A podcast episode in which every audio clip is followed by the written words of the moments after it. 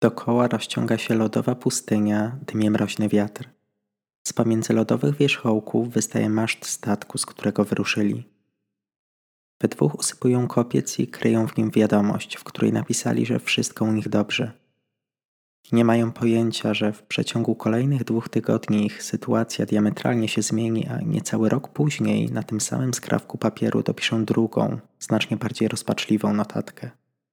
A później staną się jedną z największych zagadek XIX wieku. Historia, o której Wam opowiem, wydarzyła się naprawdę. Jest równie tajemnicza, co smutna, przerażająca oraz brutalna. Nic dziwnego, że stała się inspiracją dla mrowi artystów, w tym m.in. dla Dana Simonsa, który na jej podstawie napisał mrożący krew w żyłach horror pod tytułem Terror. Jeżeli dzisiejszy odcinek podcastu pozostawi w Tobie niedosyt, będę Cię zachęcał do sięgnięcia po ten tytuł, gdyż pomimo fabularyzacji pozwala spojrzeć na całą historię oczami uczestników feralnej podróży. Ja nazywam się Łukasz Bogucki, a Ty słuchasz podcastu Motyw Główny. Dzisiaj opowiem Ci o tragicznej w skutkach wyprawie arktycznej Sir Johna Franklina. Dotarcie z Europy do Azji drogą morską zajmowało niegdyś mnóstwo czasu. Nic więc dziwnego, że już za czasów Krzysztofa Kolumba Europejczycy poszukiwali szlaków morskich, które byłyby w stanie choć odrobinę skrócić wielomiesięczne wyprawy. Wielu odkrywców wierzyło, że płynąc przez Atlantyk w kierunku zachodnim, dotrą ostatecznie do brzegów Azji. Kolejne stulecia, które obfitowały w mrowie odkryć geograficznych, pokazały jednak, że morską drogę do Indii czy Chin blokują ogromne połacie ziemi obydwu Ameryk. Wraz z upływem czasu Europejczycy zaczęli z coraz większą nadzieją spoglądać na archipelag arktyczny, rozciągający się pomiędzy kontynentalną częścią Kanady a biegunem północnym. Jeszcze w XIX wieku stanowił on jedną wielką białą plamę na mapie świata. Nic dziwnego, że zorganizowano w tamte rejony rozliczne wyprawy, które miały za zadanie zapełnić luki w wiedzy o geografii tamtego obszaru, a przy okazji potwierdzić lub obalić mit o żeglownym dla statków przejściu na drugą stronę Ameryki. Nazywano go przejściem północno-zachodnim. Obecnie wiemy, że archipelag arktyczny to prawdziwy labirynt. Zajmuje powierzchnię niemal 4,5 razy większą od Polski i składa się z 36 563 wysp. Żeby się przedostać na jego drugą stronę, należy kluczyć między nimi. Jakby tego było mało, wodne przesmyki zamarzają na znaczną część roku. W XIX wieku angielska admiralicja postawiła sobie za punkt honoru odkrycie legendarnego przejścia północno-zachodniego. W kierunku archipelagu arktycznego słano kolejne wyprawy, które jednak kończyły się fiaskiem. Na puste mapy tamtych obszarów nanoszono co prawda kolejne wyspy, cieśniny i zatoki, jednak statkom nie udawało się odnaleźć legendarnej morskiej drogi. Ostatecznie wszystkie kapitulowały pokonane przez lód, mróz, góry lodowe oraz labirynt morskich przejść.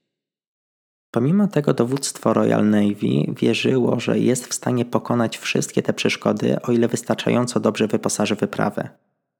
Dobitnym wyrazem tego przekonania stała się ekspedycja zorganizowana w 1845 roku. Po rozlicznych perturbacjach na jej dowódcę wybrano doświadczonego brytyjskiego oficera, Sir Johna Franklina. Franklin od dekad był związany z morzem. Służył na wielu okrętach, biorąc udział m.in. w bitwach pod Trafalgarem oraz Kopenhagą. Jako porucznik Royal Navy dołączył do ofensywy na Nowy Orlean podczas wojny brytyjsko-amerykańskiej, a także patrolował greckie wybrzeże podczas wojny o niepodległość tego kraju. W trakcie swojego życia parał się także podróżowaniem. Był członkiem załogi statku, który jako pierwszy opłynął Australię, przez kilka lat pełnił funkcję gubernatora Tasmanii, wziął udział w wyprawie na Ocean Arktyczny, a ponadto zorganizował dwie lądowe ekspedycje mające za zadanie przebadać północne terytoria Kanady. Pierwsza z nich okazała się niesamowicie dramatyczna w skutkach. Dziewięciu jej uczestników zginęło wskutek głodu oraz wychłodzenia, jeden został zamordowany, podczas gdy wywodzącego się z tubylczego ludu przewodnika zastrzelono, posądzając go nie tylko o zabójstwo, ale też o kanibalizm. Sam Franklin nieomal skonał wówczas z głodu, za co później w Anglii został okrzyknięty człowiekiem, który zjadł własne buty. Przed całkowitą klęską uchroniło wówczas ekspedycję przybycie innego brytyjskiego podróżnika na czele grupy ratunkowej złożonej z Indian. Franklin, mądrzejszy o te doświadczenia, pięć lat później, w 1824 roku, zorganizował kolejną, znacznie lepiej zabezpieczoną wyprawę w rejony Arktyki. Dla odmiany ta podróż zakończyła się sukcesem, za co Anglik otrzymał honorowy tytuł doktora na Uniwersytecie Oksfordzkim, a Paryskie Towarzystwo Geograficzne przyznało mu złoty medal. Kiedy więc w 1845 roku w wieku 59 lat Franklin obejmował dowodzenie nad kolejną ekspedycją arktyczną, mógł się pochwalić znacznym doświadczeniem. Na jego zastępcę wyznaczono Francisa Croziera, równie doświadczonego oficera i żeglarza, badacza pola magnetycznego Ziemi, który na swoim koncie miał wyprawy nie tylko w rejony Arktyki, lecz także Antarktydy. No i był zakochany w siostrzenicy swojego dowódcy. Niestety bez wzajemności. Ekspedycja miała wyruszyć na pokładzie dwóch okrętów Erebusa oraz Terroru. Kapitanem pierwszego mianowano Franklina, drugi przypadł w udziale Crozierowi. Obydwa zaopatrzono w najnowsze zdobycze ówczesnej techniki, jak chociażby wyjęty z lokomotyw silniki parowe mające napędzać śruby statków, czy żelazne osłony, za którymi można było schować stery oraz wspomniane śruby, by nie uległy uszkodzeniu. Dodatkowo konstrukcje jednostek wzmacniały nie tylko masywniejsze belki, lecz również żelazne pokrycie, a za komfort termiczny załogi miało odpowiadać centralne ogrzewanie parowe. By załodze zanadto się nie nudziło, na pokładzie Erebusa umieszczono dagerotypowy aparat fotograficzny, bibliotekę, a także specjalne urządzenie grające, tzw. Tak pianole. Statki zaopatrzono w litry soku z limonki, który miał chronić marynarzy przed szkorbutem. Ponadto ładownie zapełniono 8 tysiącami puszek konserwowanej żywności. Zapas w założeniu miał wystarczyć na 3 lata. Ekspedycja wyruszyła 19 maja 1845 roku z portu w południowo-wschodniej Anglii.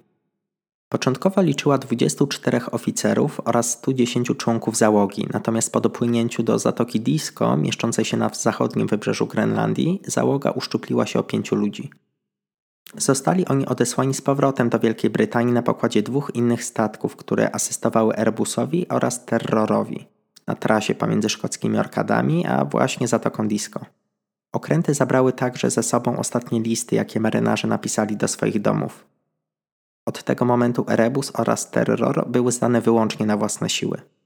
Okręty po raz ostatni były widziane 28 lipca 1845 roku przez załogi dwóch statków wielorybniczych.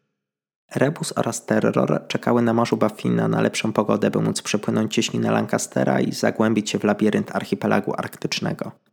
Ostatecznie udało im się to. A potem słuch o nich zaginął. Po dwóch latach bez wieści od Franklina, jego żona, Lady Jane Franklin, a także opinia publiczna wespół z brytyjskimi dziennikarzami oraz członkami parlamentu zaczęły naciskać na admiralicję, by wysłała wyprawę poszukiwawczą. Wojskowi ugięli się, opracowali plan poszukiwań i wiosną 1848 roku przystąpili do działania. Jedna z ekspedycji wyruszyła drogą lądową w stronę arktycznego wybrzeża Kanady. Druga wpłynęła na wodę archipelagu arktycznego od strony Pacyfiku. Trzecia natomiast usiłowała dokonać tego samego, tyle tylko że od wschodu, przekraczając cieśninę Lancastera, tak jak niecałe trzy lata wcześniej Erebus i Terror. Tam jednak wyprawę zatrzymał lód, wskutek czego dowódca, James Clark Ross, oficer i doświadczony badacz obszarów podbiegunowych, zdecydował się spędzić zimę na wyspie Somerset. Nie zrezygnował jednak z poszukiwań. Nakazał spuścić sanie, a marynarze zaczęli przeczesywać teren, zwłaszcza ten położony na południe od obozowiska. Był to właściwy kierunek, tyle tylko, że podwładni Rosa nie zawędrowali dość daleko. W międzyczasie admiralicja wyznaczyła nagrodę dla osób, które udzielą pomocy załogom Airbusa oraz terroru. Na ten cel wojsko przeznaczyło 20 tysięcy funtów, co w przeliczeniu na obecną siłę tej waluty daje prawie 2 miliony funtów. Mijały miesiące, a poszukiwania były prowadzone na coraz większą skalę. W 1850 roku uczestniczyło w nich już 13 różnych statków. Kilka z nich w podobnym czasie dotarło do wschodniego wybrzeża wyspy Beachy, gdzie w końcu nastąpił przełom. Kiedy żeglarze zeszli na ląd, odkryli setki puszek po konserwach oraz pozostałości po obozie, w którym ludzie Franklina spędzili zimy na przełomie 1845 oraz 1846 roku. Dodatkowo kilometr na południe znajdowały się groby trzech członków zaginionej ekspedycji. Niestety nigdzie nie znaleziono żadnej wiadomości od Franklina, w związku z czym dalsze plany podróży oraz losy załóg Rebusa i Terroru wciąż pozostawały zagadką. Wiosną 1851 roku pasażerowie kilku statków zauważyli w okolicach Nowej Fundlandii gigantyczną górę lodową, która niosła ze sobą dwa okręty. Podniosły się wówczas głosy, że owymi okrętami mogło być zaginione Erebus oraz Terror. W dzisiejszych czasach wiemy, że były to błędne przypuszczenia. Obecnie podejrzewa się, że zaobserwowane wówczas jednostki należały do wielorybników, którzy zdecydowali się je porzucić. W 1852 roku dowództwo nad kolejną wyprawą poszukiwawczą składającą się z pięciu okrętów objął Edward Belcher. Nie potrafił on jednak ani przekonać do siebie podwładnych, ani odpowiednio nimi zarządzać. Jego ekspedycja skończyła się absolutną katastrofą. Belcher, totalnie nie radząc sobie z prowadzeniem statków pośród wysp i lodów Arktyki, zdecydował się porzucić cztery z nich, za co po powrocie do Anglii trafił przed sąd wojenny. Jeden z pozostawionych przez niego okrętów, HMS Resolute, po pewnym czasie znaleźli i wyprowadzili na cieplejsze wody amerykańscy wielorybnicy. Kiedy okazało się, że jest w nienaruszonym stanie, został przetransportowany do Wielkiej Brytanii. Odzyskane z niego drewno zostało użyte do budowy trzech biurek, spośród których jedno angielska królowa Wiktoria podarowała ówczesnemu prezydentowi Stanów Zjednoczonych. Biurko to, nazywane biurkiem Resolute, po dziś dzień stoi w gabinecie owalnym Białego Domu i jest używane przez kolejnych amerykańskich przywódców. Wskutek kolejnych niepowodzeń 31 marca 1854 roku admiralicja zdecydowała się uznać Johna Franklina oraz członków prowadzonej przez niego ekspedycji za zmarłych na służbie. Dowództwo nie planowało organizować kolejnych wypraw poszukiwawczych, co nie znaczy, że takowe nie miały miejsca. W 1854 roku szkocki podróżnik John Rae prowadził zwiat na półwyspie Bofia na zlecenie kompanii Zatoki Hudsona. 21 kwietnia w okolicach dzisiejszej miejscowości Kugaruk natknął się na tubelca, który wyjawił mu historię o grupie około 40 ludzi, którzy umierali z głodu w pobliżu miejsca, w którym rzeka Bak wpływa do morza. Rae zaczął rozpytywać o informacje innych Inuitów. W ten sposób dowiedział się o kanibalizmie wśród marynarzy. Podróżnik otrzymał od tubylców sporo przedmiotów, w tym m.in. srebrne sztućce, które potem zostały rozpoznane jako należące do Franklina, Croziera oraz kilku innych członków załogi zaginionych okrętów. Na skutek raportu, który Rae przedstawił brytyjskiej admiralicji, wojsko zaapelowało do kompanii Zatoki Hudsona, by wysłała ekspedycję w kierunku ujścia rzeki Bak. Korporacja posłuchała i w 1855 roku posłała łodzią dwóch swoich pracowników – Poza zeznaniami Inuitów potwierdzającymi informacje uzyskane przez Johna Rae, panowie natknęli się na dwa kawałki drewna. Na jednym widniał napis Erebus, na drugim nazwisko chirurga zaginionego okrętu. Mimo starań Lady Franklin, admiralicja nie zamierzała wysyłać kolejnych ekspedycji w poszukiwaniu jej męża. W związku z tym kobieta zorganizowała publiczną zbiórkę pieniędzy, a za pozyskane z niej fundusze kupiła statek i wynajęła załogę. Jej dowódcą został Francis McClintock. Okręt wyruszył w rejs na początku lipca 1857 roku. Prawie dwa lata później, w kwietniu 1859, znajdując się wśród labiryntu archipelagu arktycznego, podwładni McClintocka zostali wysłani do przeszukania na saniach wyspy króla Williama. Choć początkowo nic nie wskazywało na przełom, w maju grupa poszukiwawcza natrafiła na kopiec, w którym znalazła dokument pozostawiony przez Croziera i jednego z oficerów z Erebusa. Umieszczono w nim dwie wiadomości – Pierwsza z datą 28 maja 1847 roku głosiła, że Erebus i Terror spędziły zimę uwięzione w lodzie po północno-zachodniej stronie wyspy Króla Williama, podczas gdy rok wcześniej załogi obydwu okrętów zimowały na wyspie Beachy. Na zakończenie Crozier dopisał Sir John Franklin dowodzi wyprawą. Wszystko w porządku. Notatka zawierała jednak dość istotne błędy, zwłaszcza te dotyczące dat. Dla przykładu, załogi Erebusa oraz Terroru spędziły na Beachy zimę na przełomie lat 1845 na 46, a nie rok później, jak napisał Crozier. Druga wiadomość została zanotowana na marginesach dokumentu 25 kwietnia 1848 roku, czyli mniej więcej w czasie, kiedy pierwsze wyprawy poszukiwawcze opuszczały wybrzeża Wielkiej Brytanii. Informowała, że zarówno Erebus, jak i Terror przez półtora roku były uwięzione w lodzie, wskutek czego 22 kwietnia 1848 roku zdecydowano się opuścić ich pokłady. Śmierć zabrała 24 oficerów oraz członków załogi, w tym dowódcę całej ekspedycji.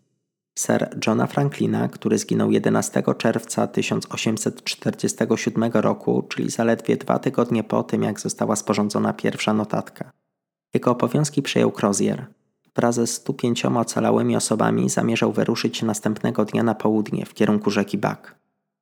McClintock kontynuował poszukiwania. Na południu wyspy, blisko linii brzegowej, znalazł szkielet, do którego przymarzły ubrania. Wygrzebano z nich dokumenty, w tym listy, których adresatów ciężko zidentyfikować, a które zostały zapełnione słowami zapisanymi od tyłu. Fragmenty, które dały się odczytać, zawierały wspomnienia żeglarza, nawiązania do wydarzeń z wyprawy, a także wiersz, najprawdopodobniej ułożony na uroczystość pogrzebową Johna Franklina. W innej lokalizacji na wyspie wyprawa McClintocka odkryła łódź ratunkową, a w niej dwa szkielety w otoczeniu stosów jedwabnych chustek, książek, grzebieni, pachnących mydeł, kapci oraz wielu innych znacznie cięższych przedmiotów, które były zupełnie nieprzydatne do przetrwania w Arktyce. Mnóstwo informacji o losach ekspedycji Franklina dostarczyły także dwie wyprawy przeprowadzone przez Charlesa Francisa Halla między 1860 a 1869 rokiem. Poza znalezieniem ogromu kolejnych artefaktów na wyspie króla Williama, Hall zamieszkał wśród Inuitów i przy pomocy lokalnych przewodników zebrał setki stron opowieści tubylców. Znajdowały się wśród nich m.in. opisy tego, jak Inuici weszli na pokłady opuszczonych Erebusa oraz Terroru i przeszukali statki.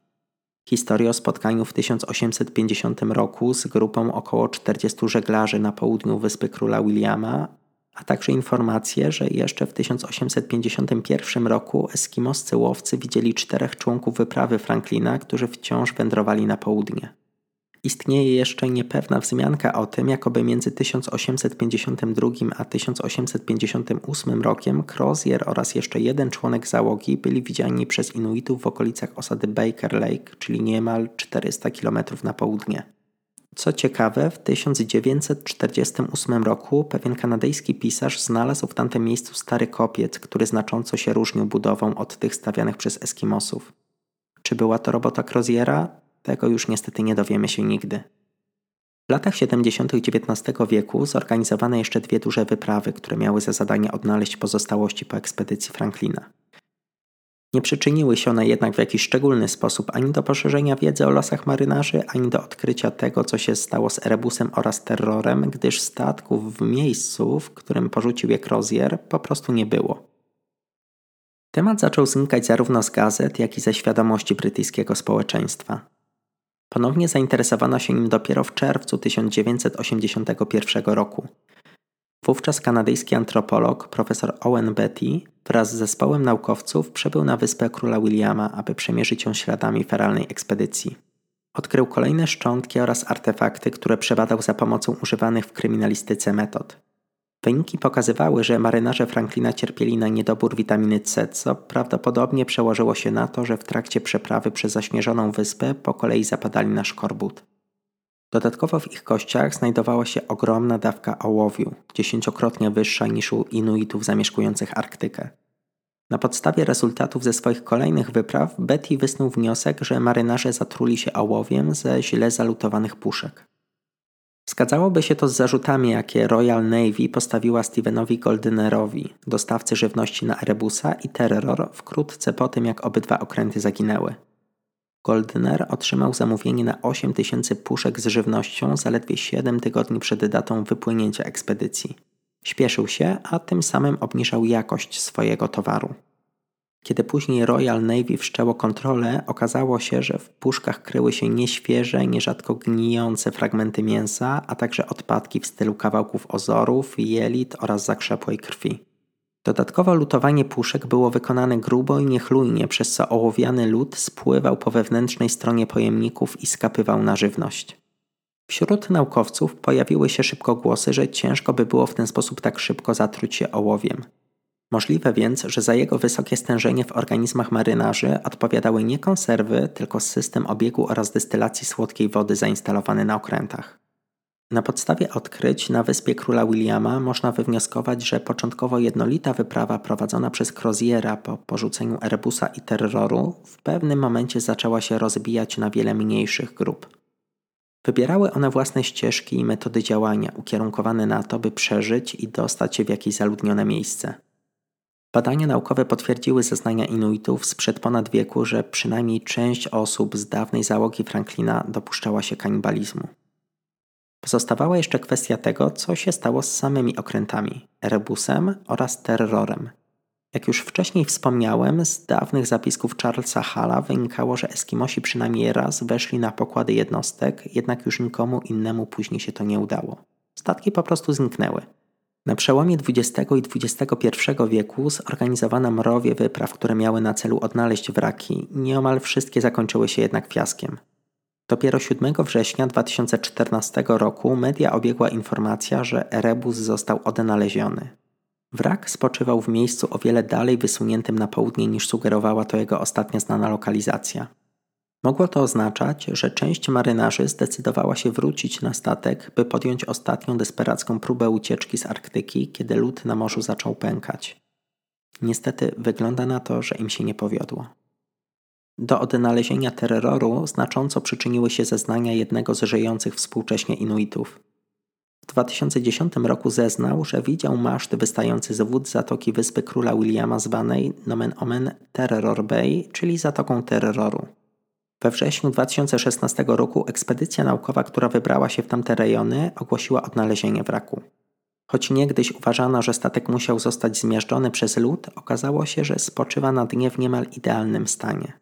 Znajdował się około 96 km dalej na południe niż jego ostatnia znana lokalizacja, możliwe więc, że i na niego wróciła część załogi, by, tak jak kompanii z Erebusa, spróbować ucieczki z Arktyki drogą morską, kiedy tylko warunki pogodowe na to pozwolą. Z drugiej strony równie dobrze okręt mógł zdryfować w tamte rejony zupełnie opuszczony. Wyprawa sera Johna Franklina padła ofiarą chłodu, głodu oraz chorób takich jak szkorbut, zapalenie płuc czy gruźlica. Zatrucie ołowiem mogło jedynie pogorszyć ich stan. Marynarze zwiodły warunki pogodowe, które w kluczowym momencie ekspedycji obróciły się przeciwko nim.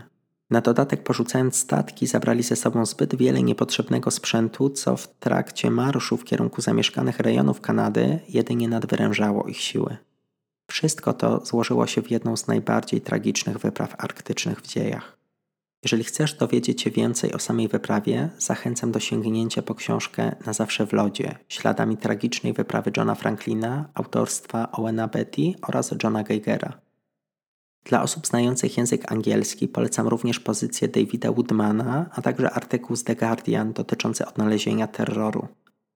Tytuły książek oraz link do artykułu umieściłem w opisie tego odcinka podcastu. Jeżeli natomiast masz ochotę poczuć klimat wyprawy polarnej w niezbadane rejony, zachęcam Cię do przeczytania powieści Terror autorstwa Dana Simonsa lub do obejrzenia serialu nakręconego na jej podstawie. Ciekawą propozycją będzie także Arktyczna Mgła napisana przez Clive'a Kuslera. My tymczasem słyszymy się już wkrótce. Poeksplorujemy motyw główny innego fantastycznego tytułu. Do usłyszenia. Cześć!